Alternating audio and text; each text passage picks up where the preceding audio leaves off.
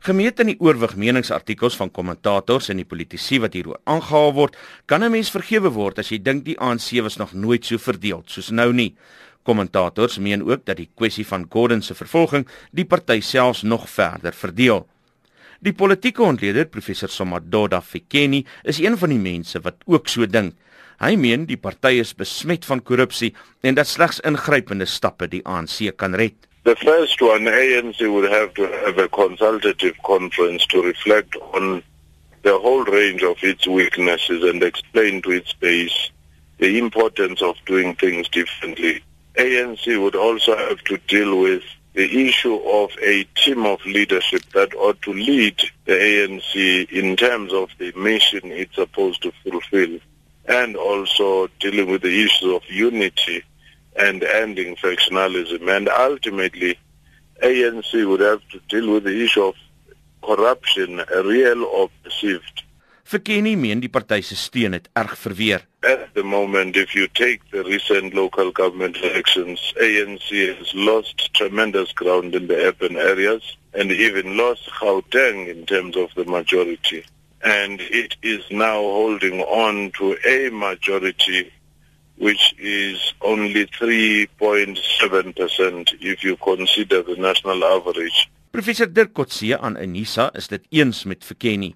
Hy sê dit is veral insiggewend dat senior partylede hulself, al is dit soms huiwerig, teen die huidige stand van sake uitspreek. Dit uh, begin die die indruk te skep dat daar nie meer daardie solidariteit rondom president Zuma bestaan nie dat hy nie meer terselfdertyd dieselfde hoeveelheid presidensiële mag het en invloed het as wat hy vroeër gehad het nie.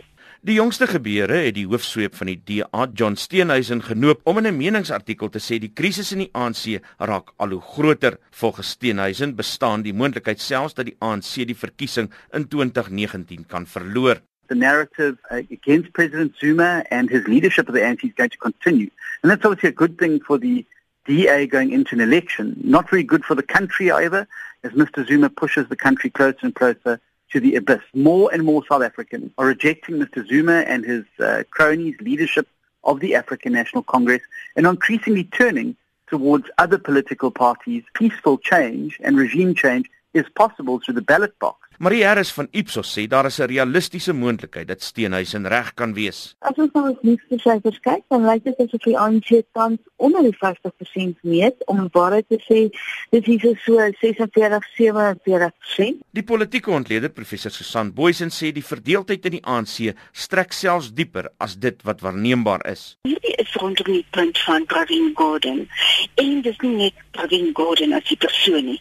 Dis die implikasies wat dit het vir nasionale tesorie, vir kontraktering, vir tenders, vir hoe die staatsfinansies bestuur word.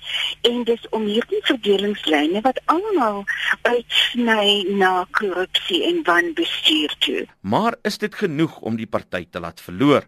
Boysen dink so dat hierdie tipe scenario wat ons op plaaslike regering sak gesien het, dat dit weer kan uitkom en ver uitgebou kan word op provinsiale, miskien selfs op nasionale vlak. Ons sien die ANC se verkiesingsveldtogte is nie meer so sterk, is net nie meer so oortuigend.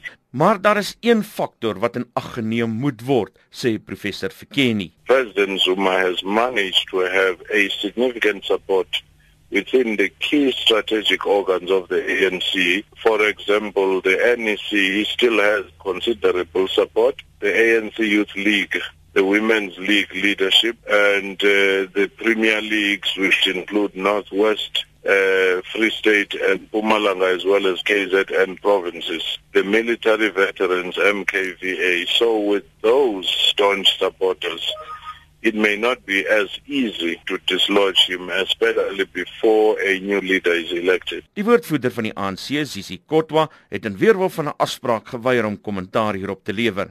Isak Du Plessis, SAICA nuus.